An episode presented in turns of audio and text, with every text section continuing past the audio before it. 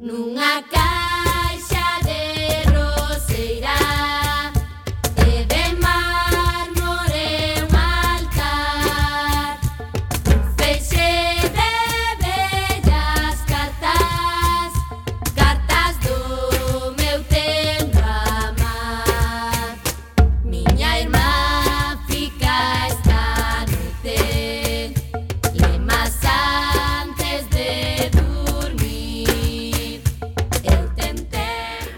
Que tal, recendeiros e recendeiras? Benvidos e benvidas a este espazo radiofónico semanal dedicado á cultura que facemos en riguroso directo todos os martes ás 7 da tarde aquí en Cuac FM, a Radio Comunitaria da Coruña.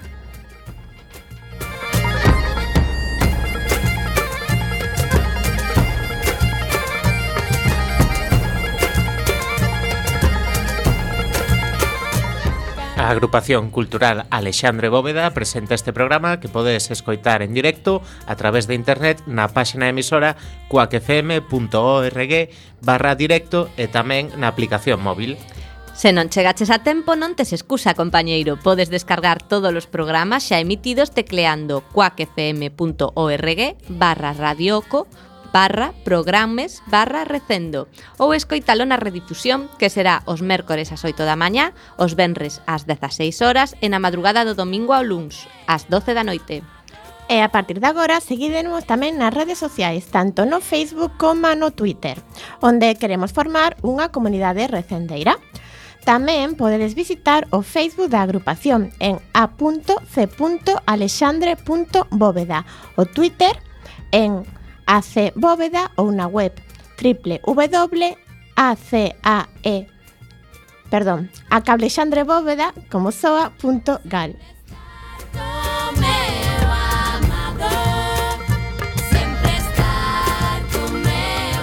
E xa se máis, imos caralón a procura desta fantástica aventura cultural con Roberto Catoio no control técnico e falándolle coa Almenteira, Uxía Vázquez, Gema Millán e Javier Pereira.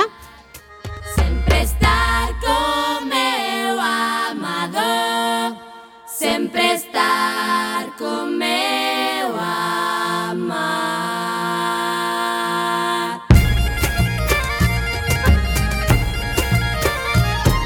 Imos a principiar coas axendas semanais. Comenzamos, como sempre, pola axenda da nosa agrupación, E antes, como sempre, tamén están os sumarios. Imos a presentar o programa. O número 271. Sí, oh. aloimos. O programa de hoxe é especial, variado, no que entrevistaremos a presidenta da Coordinadora de Traballadoras e Traballadores pola Normalización Lingüística, entidade que cumpre 20 anos, a librería infantil pontevedresa Pataca Frita e a empresa Barafunda Animación. Así que excepcionalmente non teremos ninguna sección a Gasa de Poesía Galega de Gema Millán e falaremos das actividades da nosa agrupación e das outras cousas que se fan na Coruña e na Galiza e que tamén son cultura. E a música de hoxe, no último Curturgal, presentábanse moitos novos discos, como por exemplo, Bailando as Rúas, do novo grupo A Banda da Loba, formado por cinco rapazas da zona de Compostela. Presentamos a primeira peza de hoxe, titulada Ti e eu, baseada nun poema de Celso Emilio Ferreiro, en o que poderemos escoitar a cantante Xiana Lastra acompañada por Guadi Galego.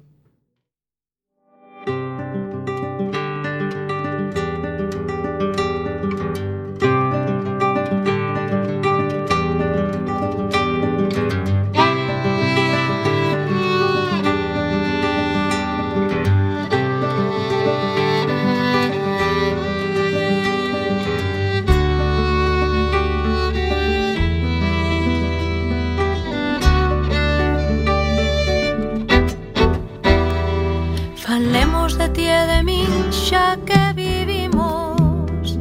Falemos de ti e de min xa que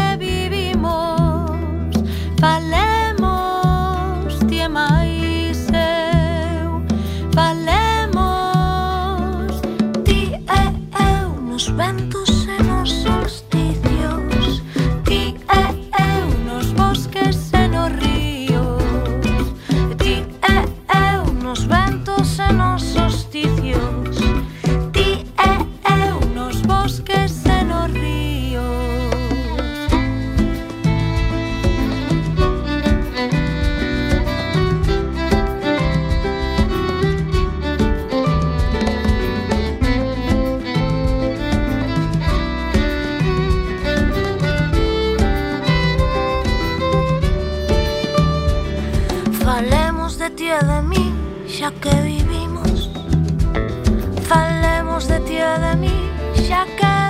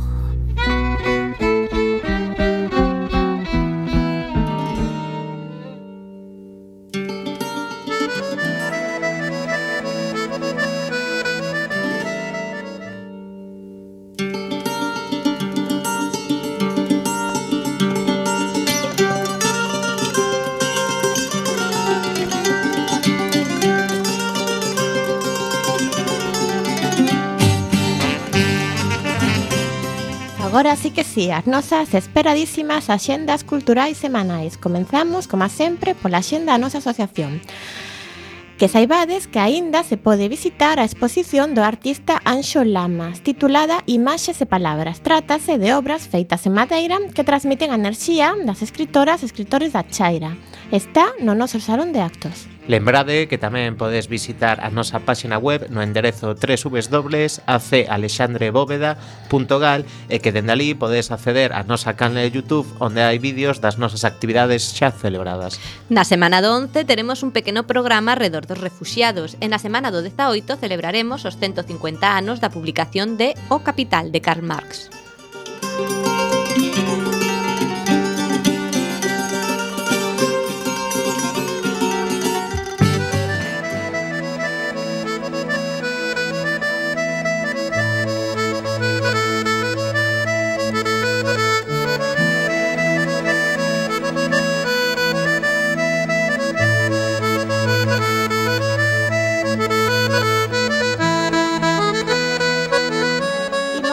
Coa xenda da Coruña empezamos polo apartado do audiovisual, xa que un dos ciclos de cine no Fórum está organizado coa agrupación astronómica IO e botan películas de ciencia ficción de mediados do século XX.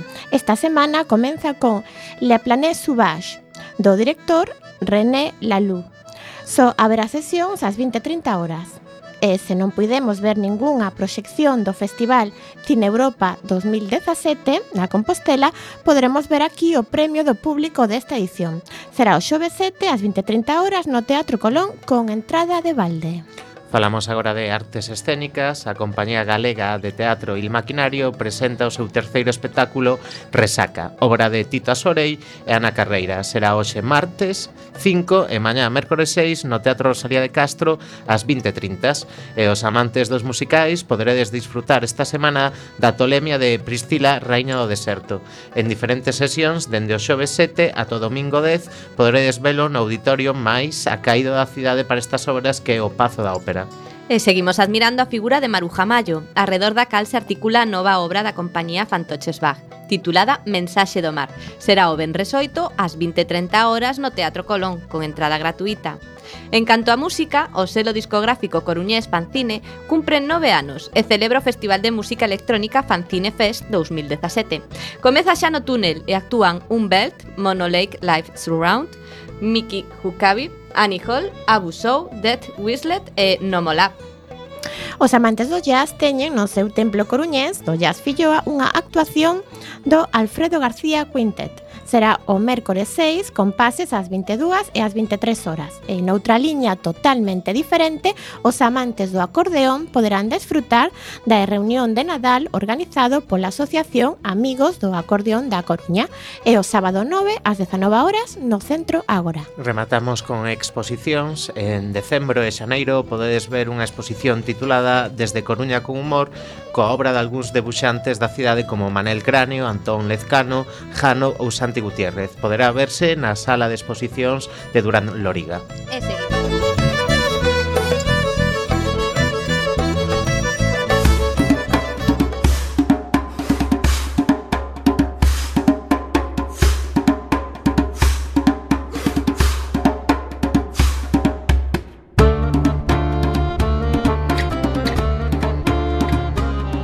Como dicía, seguimos coa xenda de Galiza e comezamos por Lugo. Cruz Villa é o nome dun grupo compostelán que combina jazz, funk, rock e world music, co seu elemento básico, o groove. Compostelán pero conformado por un brasileiro, un lugués e un británico. Unha mestura cultural sen definición concreta. Ás 23.30 desta noite actúan na sala Clavicémbalo, situada na Rúa dos Paxariños 23. E pegamos un chimpo a Taurense, xa que mañá aínda podedes aproveitar o Mega Xove o 18 Salón da Xuventude en Expourense, co obxectivo de promover valores como o compañerismo, a igualdade no traballo en equipo ou a convivencia entre xeracións. Prestase especial atención ao deporte, sobre todo aos minoritarios, habendo tamén xogos, exhibicións, torneos e clases. A entrada é gratuita. Falamos agora de Pontevedra e tempo de Sétima Feira, unha iniciativa da Área de Promoción Económica do Concello para revitalizar o mercado e a Rúa Serra na zona exterior do mercado de abastos e tamén o andar superior coas actividades infantís. A Sétima Feria converte este próximo sábado o lugar nun escenario onde conviven gastronomía, música, artes e animación. E imos a Santiago, onde Lichis, barcelonés de nacemento e madrileño de adopción, que foi a voz da cabra mecánica, actúa pasado mañá en Compostela Compostela presenta seu traballo Mariposas, un análise introspectiva mediante un rock maduro e profundo con letras intensas, un canto á volatilidade e fragilidade da vida. Estará no Sonar Paz ás 22:30 horas do día 7. En Vigo, Festival Catro Pezas convídanos ao teatro Ensalle para ver Non hai que ser unha casa para ter fantasmas da compañía Prácido Domingo, que pretende profundizar na linguaxe do corpo investigando técnicas interpretativas de adestramento físico ligadas ao aikido, a danza contemporánea e o teatro físico. O xove 7 ás 21 horas e o venres día 8 ás, perdón, o xove 7 e ás 21 horas e o venres día 8 ás 22. Pegamos un chimpo ata Ferrol, Fíos do Querer é un espectáculo agarimoso para cantar, bailar e escoitar con nenas e nenos de colo e un pouquiño máis. Ce Orquestra Fantasma preséntanos neste traballo 24 sinxelas e agarimosas cancións para meniñas e meniños, entrada de balde por orde de chegada ata completar as prazas da Capela do Torrente Ballester e ás 12 da mañá do domingo 10. E xa na provincia de Ourense, os próximos días 9 e 10 vanse celebrar as xornadas prerrománico, románico, turismo, cun programa que ocupa a xornada do sábado e a mañá do domingo, pasando por Allariz, Santa Comba de Bande, Celanova, Baños de Molgas, Santa Mariña de Augas Santas e Armea. Hai 50 prazas promovidas pola Asociación Amigos da Arte Alto Medieval.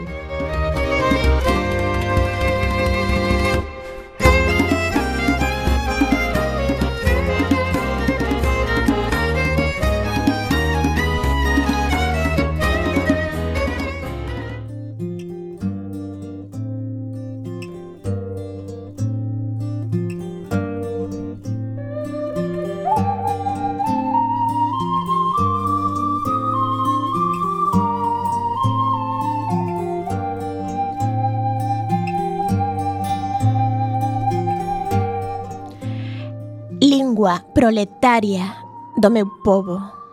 Eu falo a porque sí, porque me gosta, porque me peta e quero e dame a gaña. Porque me sai de dentro, ala no fondo, unha tristura áceda que me abrangue ao ver tantos patufos desleigados, pequenos mequetrefes sin raíces, que ao por a garabata xa non saben afirmarse no amor dos devanceiros, falar a fala nai, A fala dos avós que temos mortos e ser, co rostro erguido, mariñeiros, labregos da linguaxe, remo e arado, proa e rella sempre. Eu faloa porque sí, porque me gosta e quero estar cos meus, coa xente miña, perto dos homes, vos, que sofren longo, unha historia contada noutra lingua. Non falo para os soberbios, non falo para os ruís e poderosos, non falo para os finchados, non falo para os estúpidos, non falo para os valeiros, que falo para os que aguantan rexamente mentiras e injusticias de cotío, para os que súan e choran un pranto cotidián de volvoretas, de lume e vento sobre os ollos nuos. Eu non podo arredar as miñas verbas de todos os que sofren neste mundo. E ti, vives no mundo, terra miña, berce da miña estirpe, Galicia, doce magua das Españas, deitada frente ao mar, ise camiño.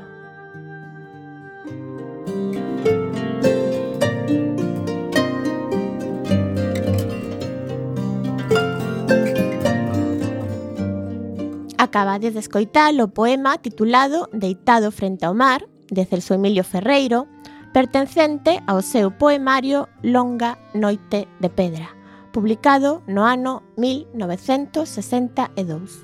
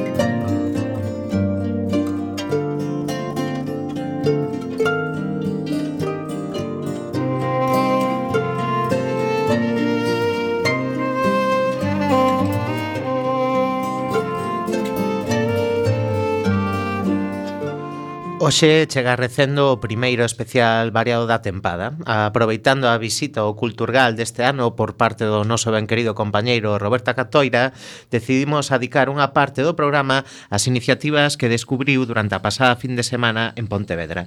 Deste xeito, coñecemos novas iniciativas e tomamos o pulso ao Culturgal xa todo un clásico da cultura galega. E completamos o especial coa presenza da coordinadora de traballadoras e traballadores da normalización lingüística. Son dous os motivos motivos. Por unha banda, porque o traballo destes profesionais non acadan o recoñecemento que merecen polo labor que realizan a prol da lingua. Pola outra banda, o ano pasado cumpriron o seu vixésimo aniversario. Así que, aínda que tarde, recendo súmase a celebración. Preparados, que isto comeza xa. A coordinadora de traballadoras e traballadores da normalización da lingua cumpriu o ano pasado 20 anos. Queremos adicarlle o tempo que merecen estes profesionais da lingua que realizan un traballo tan importante para o noso país. A CTNL nace despois dunhas xornadas de dinamización lingüística en Vigo, nas que os ali presentes constatan unha serie de eivas no seu labor, motivadas pola falta de comunicación entre os profesionais do sector así como a falta dun interlocutor para ser o altofalante dos intereses dos traballadores e das traballadoras. Os obxectivos da CTNL complétanse coa formación continua da normalización, elaborar propostas para o proceso normalizador e promover o uso do galego en todos os ámbitos da nosa sociedade.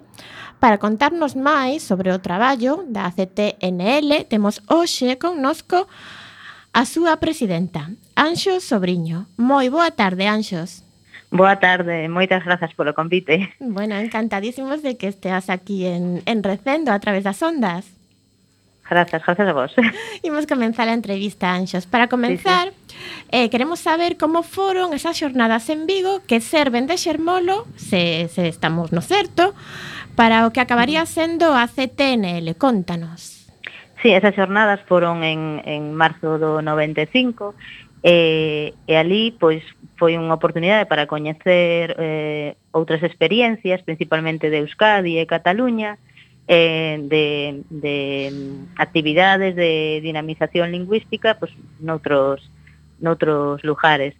Eh, entón, iso eh, ali reuníronse, pois xuntáronse varios técnicos de diferentes sectores que comezaban, eh, comenzábase co traballo de, de dinamización lingüística en, en Galicia eh, e en parte grazas a, esa, a esas xornadas que serviron de encontro pero despois a partir do, do, da xuntanza deles propios porque eu daquela non, non estaba aínda, eh, pois eh, detectaron que, que era necesario pois ter un iso, un órgano que servise de que os que os eh, xuntase a todos, que nos xuntase a todos e que e que puidese eh, digamos, eh, iso, servir de, de, de voz para facer chegar as propostas do colectivo a quen fose necesario e para desenvolver eh, actividades que, que coidábamos necesarias para eh, mellorar o traballo de,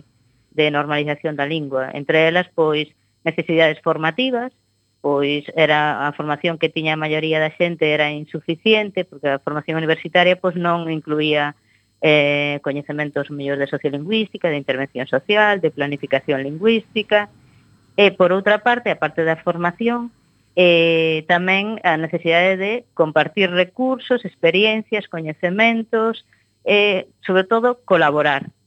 Entón, eh, a partir de, desas xornadas, pois, co, co encontro de, destes profesionais, pois decidiuse po, eh, crear unha asociación. E, eh, eh, aí naceu a, a Cotenol, claro. Moi ben. Anxos, eh, cantos traballadores eh, hai en Galiza no sector da normalización? Aproximadamente haberá sobre entre 110, 125, máis ou menos, os cálculos así que, que puiden facer. Eh, pero, ben, non todos son socios da Cotenol. Ser socio da Cotenol é voluntario, evidentemente, eh, poñamos que haberá, nós temos alrededor duns 170 socios, pero de servizos de normalización lingüística, que son a maioría, eh, haberá uns 70 ou así, eh, que se reparten entre iso, administración local, universidades, a xunta, algunhas empresas, poucas, sindicatos, algún colexio profesional, e logo hai tamén eh, socios que son do ámbito de ensino, porque aínda que non traballen como técnicos profesionais, eh, si poden asumir traballo de dinamización lingüística desde os equipos de normalización e dinamización lingüística, por exemplo.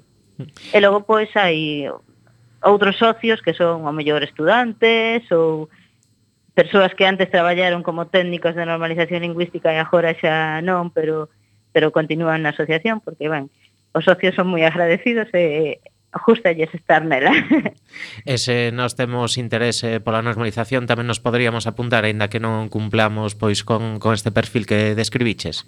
Eh, sí, a ver, eh, os, os únicos requisitos para ser formar parte da, da Cotenol son eh, estar de acordo cos obxectivos da Cotenol. Eh, un dos obxectivos xerais é promover o uso e prestixio da lingua. É certo, logo na práctica, que o máis habitual é que as persoas que entran na Cotenol sexan ou sexa porque ou porque empezan a traballar nun servizo de normalización lingüística ou porque se interesan por algunha actividade formativa que, que desenvolvemos. Pero realmente non hai ningún tipo de, de atranco para, para, para formar parte da Cotenol. Simplemente iso, mm, estar de acordo cos obxectivos e ter un certo interese por traballar do mellor xeito, do xeito máis eficaz posible en normalización da lingua. Vos non podedes atrancos para facernos, pero cales son os maiores atrancos que tedes que afrontar como traballadores? Uf, atrancos moitos. Sí. Ben, eh, eu creo que o, o atranco máis grande é a falta de vontade política eh, para desenvolver unha política lingüística clara a favor da lingua. Non, realmente non se está desenvolvendo unha política lingüística que, que teña eh, claro o objetivo de promover o uso e prestixio da lingua. Entón, iso eh, xa eh, é o maior atranco para traballar nós, non? Uh -huh. eh, por outra parte, claro, como non hai esa política clara, non se fixan uns obxectivos claros e ás veces pois, os, os servizos, os técnicos teñen que, que facer eles, incluso eles fixar os objetivos que deberían fixar os responsables políticos. Entón, acaban eh, tendo que facer todo o traballo, digamos. E, e realmente tampouco hai un compromiso para traballar dunha como non hai esa política lingüística clara, tampouco hai un compromiso claro para traballar dunha maneira eficaz neste sector. Eh, e mira, son... Anxo, como nós queremos que isto funcione como un altofalante, E agora mm. ti estás en representación, que medidas vos gustaría que as institución comenzasen a aplicar? Bueno, prim en primeiro lugar, eh, é, é necesario que asuman que, é que, que compre unha política lingüística para, de, para promover o uso e o prestixio da lingua.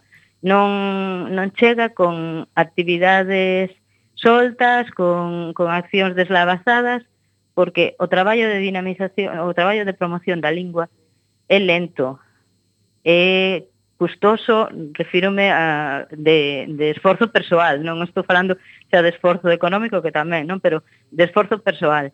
E, e os avances van, van a modo, e, e polo contrario, os retrocesos basta unha mensaxe totalmente equivocada eh, para que se retroceda. retroceda. Entón, si é necesario eh, que, que, a, que os responsables políticos teñan claro cal é o camiño que queren, que queren seguir.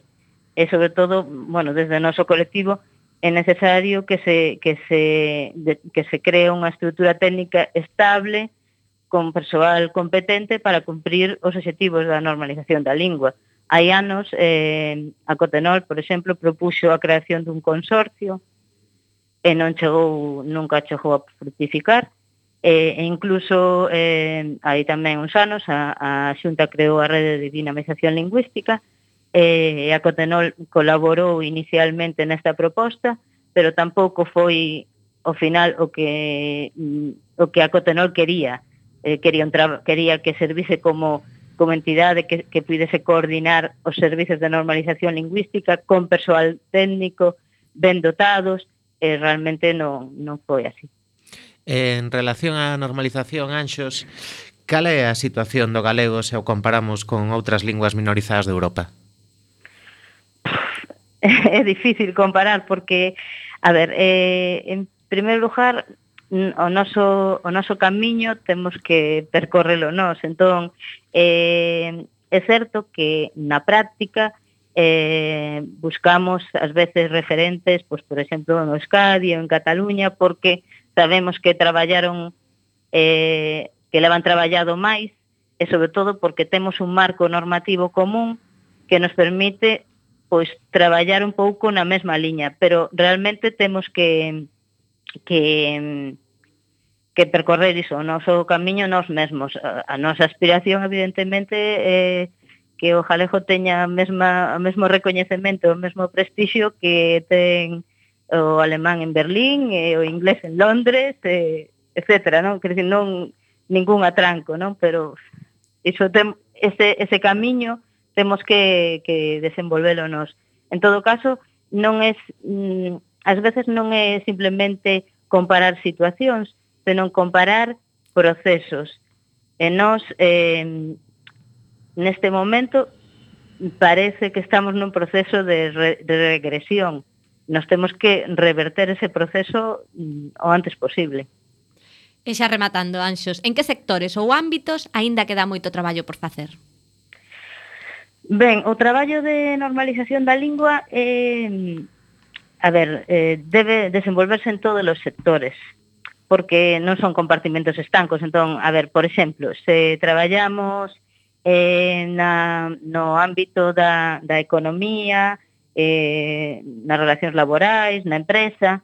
Eh, é importante traballar nese ámbito porque tamén vai, vai beneficiar que, eh, por exemplo, as familias que irán transmitir a lingua porque verán que é necesario para desenvolverse logo no eido eh, profesional, que todos os ámbitos están relacionados, porque todos eh, teñen eh, to, se, to, se en todo se busca traballar no prestixio da lingua eh, o avance pode ser máis continuado, máis eh, máis unificado.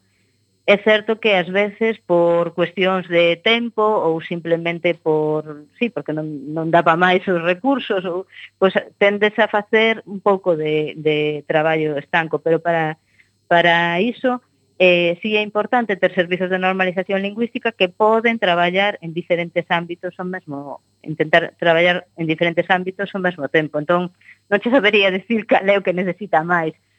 Mm, todos necesitan. Muy ben, Anxo, pois moitas grazas. Temos somente un minutiño para agradecerche sí. a túa presencia aquí en Recendo, despedirte, eh, que se nos queres contar de forma moi rápida algún plan de futuro da vosa asociación en o momento. Eh, bueno, simplemente nos eh, temos xa 20 anos, eh, Parabéns. pero a, ainda ten, ai, grazas, moitas grazas, eh, creo que como a vos, máis ou menos. Bueno, sí, un poquinho máis, un poquinho menos. Sí, porque non sei, no, no, no, no 96, cando naceu a Cotenol, eh, e realmente pues, seguir traballando para mellorar as condicións de traballo, porque a mellorar a situación laboral dos técnicos mellorará a, a calidade do seu traballo e mellorará a situación da lingua. Pois moitas gracias, Anxos, e tomamos nota. Vémonos, pois, esperamos que sexa cedo. Vale, moitas graciñas a vos. Unha aperta. Unha aperta. E a seguinte canción que imos escoitar é tamén de Banda da Loba, neste caso titulada Pepa que non podía faltar.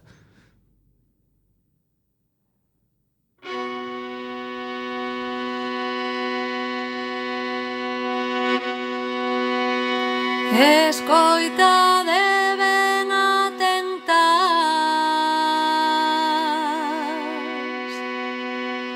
A historia que imos cantar. Dunha nena de amoedo Que moito deu que falar. seu nome Pepiña era. Descoñecido seu pai. Era filla de solteira. Moi malo ia pasar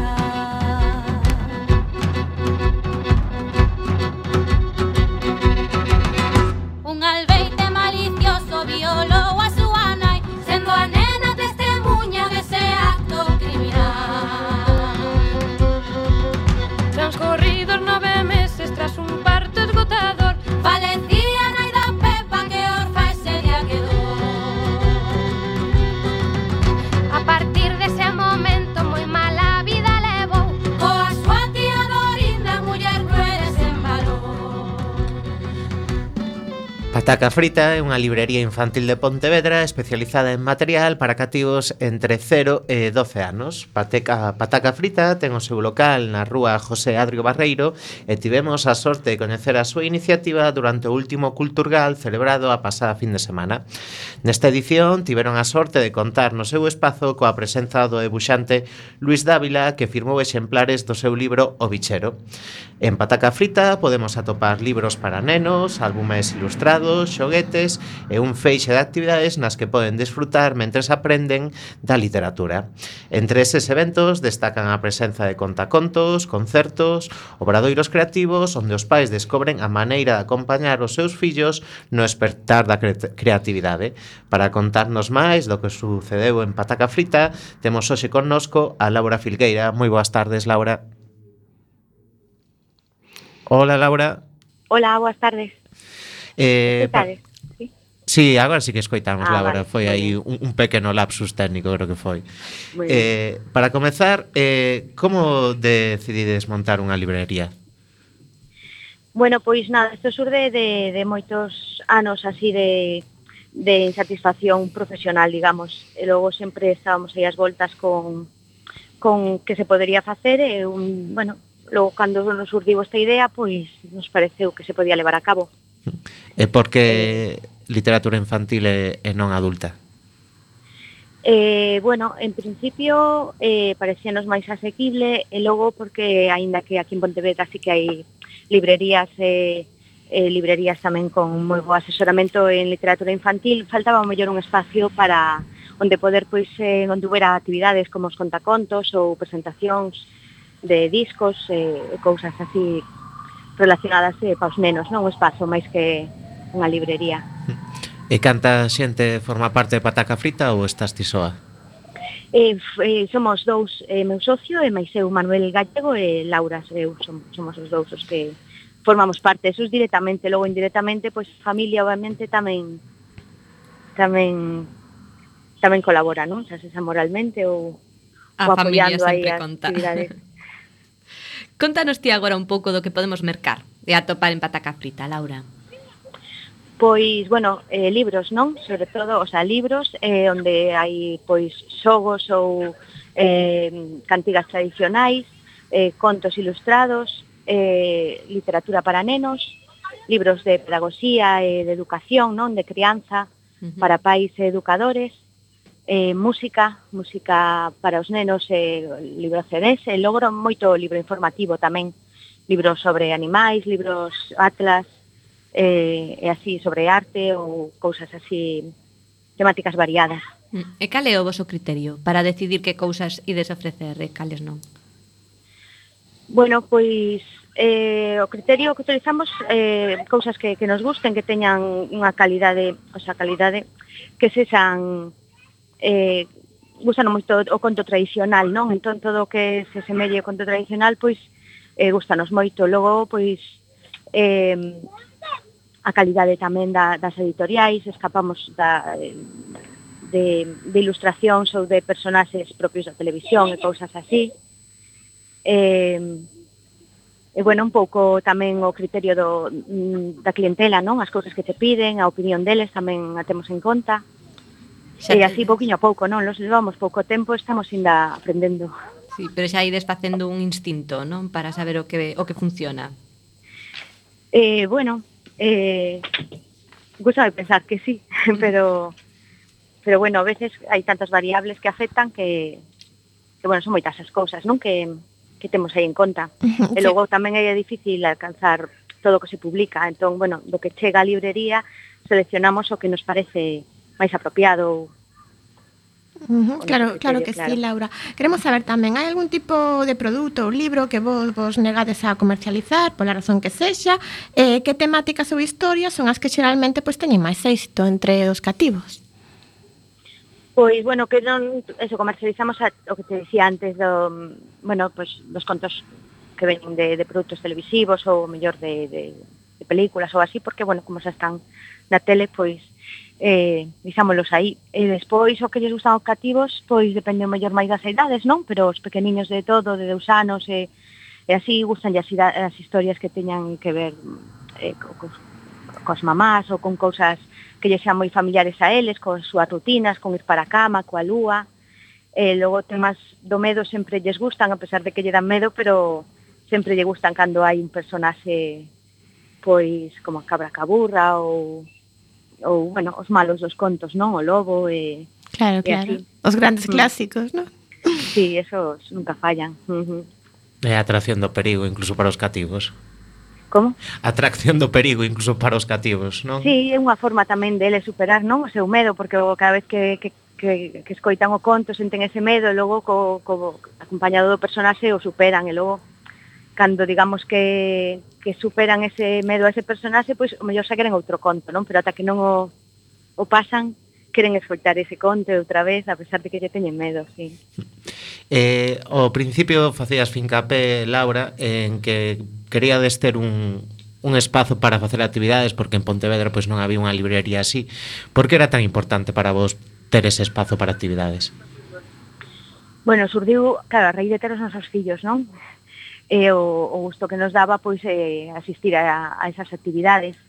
E logo pois poder eso crear un, un sitio onde pois, onde se eh, se, se lle dera mm, bueno, se se acercara non os contos aos nenos, que hai un montón de actividades, a hoy en, en día fanse moitas dese tipo, pero bueno, pois eso, ter un lugar onde pois os nenos coñezan os contos e se relacionen co, coa tradición de, de escoitar, non? Que ao final é moi importante.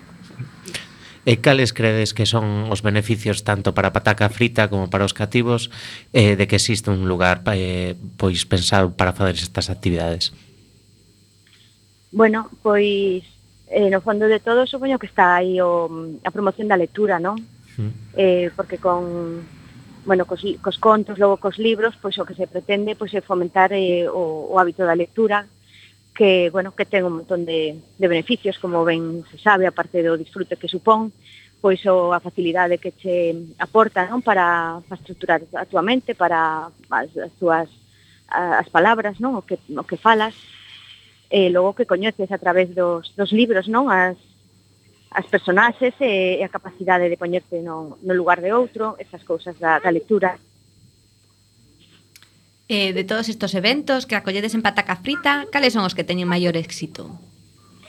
Bueno, eh, polo que temos así experimentado, eh, os contacontos teñen, teñen moito éxito e logo as actividades que falabades tamén na presentación, non? Eh, as actividades que facemos xunto con Cera de Colores, que, que teñen que ver co, bueno, co fomento da, da creatividade dos, dos pequenos, non fomento, sino a, bueno, deixar de expresar ou, o facer, non? O que o que les teñen sen, sen reglas, sen, sen líneas por onde non saírse, cousas así. E que non estedes preparado para este Nadal? Pois para este Nadal, nada, temos un montón de novidades, Eh, bueno, como ainda acabamos de chegar do Culturgal, estamos aterrizando, foi o noso primeiro ano e ainda estamos aí poñendo todo un pouco en orden. entón, bueno, pero temos un montón de, de novidades, de libros estupendos, e, eh, e, e temos tamén unha actividade de contacontos de Marc Taeger e Olaya González, e os autores de, do de do máis do, do, da editorial Calandraca, que estarán aquí o día o Benres, día 15, se non me equivoco, pola tarde, facendo aquí unha sesión de contos. Son excelentes contadores e debuxantes, os dous. Mm, que interesante. E contamos como vos foi no cultural deste ano? Bueno, pois foi a nosa primeira experiencia, sí. íbamos aí moi un pouco asustados, pero pero bueno, moi ben porque visita moita xente, moita xente que busca libro en galego e entón pois eh, digamos que un público xa que está moi receptivo o noso produto. E, entón pois a verdade é que a experiencia foi positiva, moi positiva eh, sobre todo por, por os contactos tamén que faz, non? De que coñeces eh, pequenas editoriais que que coñeces a través das redes, ali coñeces as persoas, eh, e tamén autores, eh, e bueno, é unha maneira estupenda de relacionarse con xente do sector. Entón, moi ben en todos os sentidos. E xa para rematar, Laura, que estamos quedando sen tempo, eh, fainos dúas pequenas recomendacións para agasallar os rapaces este Nadal. Bueno, eh, Pois mira, vou vos recomendar un conto que chegou da editorial Corimbo que se titula en castelán, eh, apenas pero en castelán, que é El árbol de Navidad del señor Miladomat. É un conto, un álbum ilustrado divertido que ten que ver con Nadal. E eh, despois, pois podo vos recomendar tamén o CD, libro CD de, de Pacolas que acaba de sacar agora, que, que tamén, bueno, pareceme que está moi ben, moi animado. Eh, e eh, bueno, Temos unha nai aquí na mesa que di que sí, que a cabeza. que está moi ben. Sí, sí, de Pacola sí, o coñezo. Moi ben, pois sí, esas dúas cousas, teño que ser dúas, esas dúas, el é complicado, eh, pero bueno. Pois nada, que se animen os nosos ouvintes a pasarse por Pontevedra, pola librería Pataca Frita a comprar estes agasallos. Moi ben. Pois moitas gracias por chamar. A ti, hasta logo. Hasta logo. Facemos a segunda pausa musical desta tarde. Seguimos escoitando o disco de Banda da Loba. Agora o tema que toca é Afogadas. Afogadas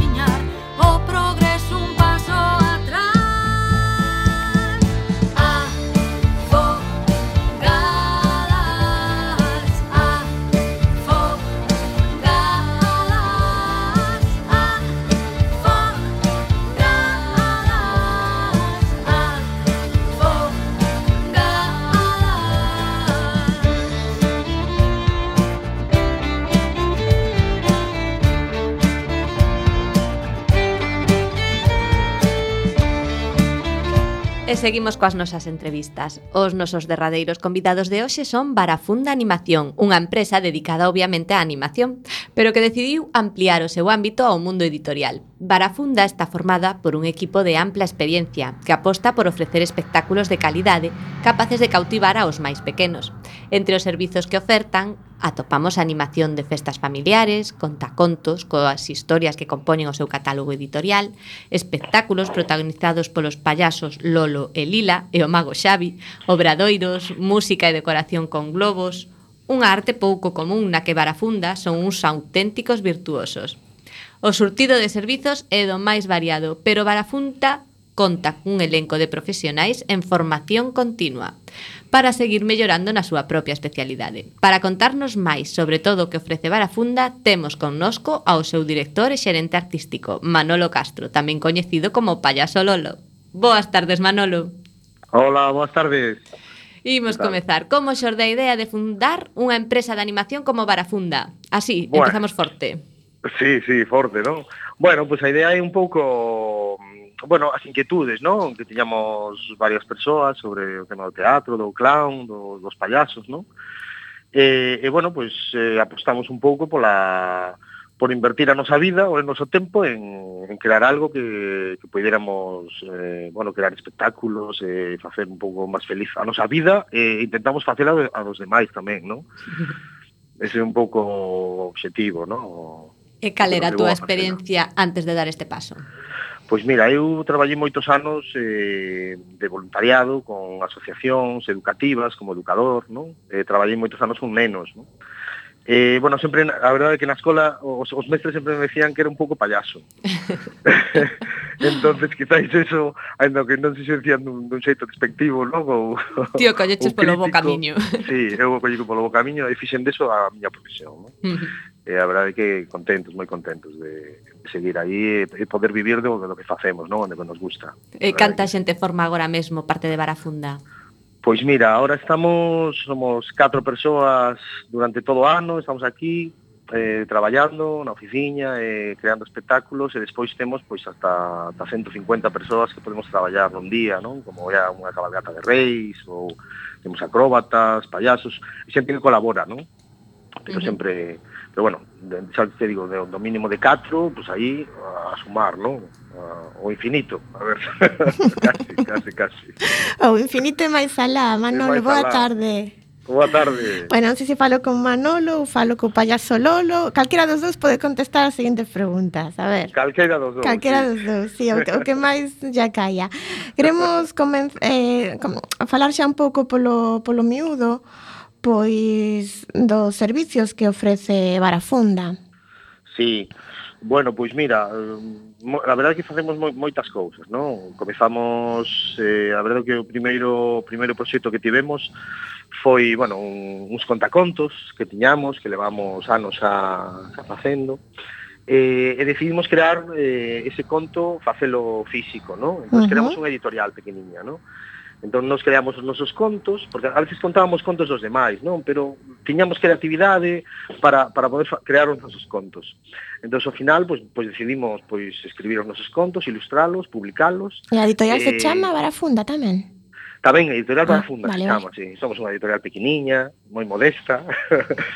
e, eh, e o que pretendemos facer é un, é un proxecto pois moi completo, íntegro, ¿no? Onde, onde bueno, pois vai dende a parte editorial ata, ata a parte de representar eses contos, ¿no? Logo temos espectáculos pois de, de payasos, ¿no? divertidos, utilizamos moito o tema dos globos, ¿no? os globos para nós é unha especialidade, entón, animacións de rúa con globos, globos gigantes, facemos figuras de, de 20 metros, 30 metros, que lle damos vida, ¿no? entón, bueno, pois, pois a verdade é que son, son moi impactantes ¿no? visualmente.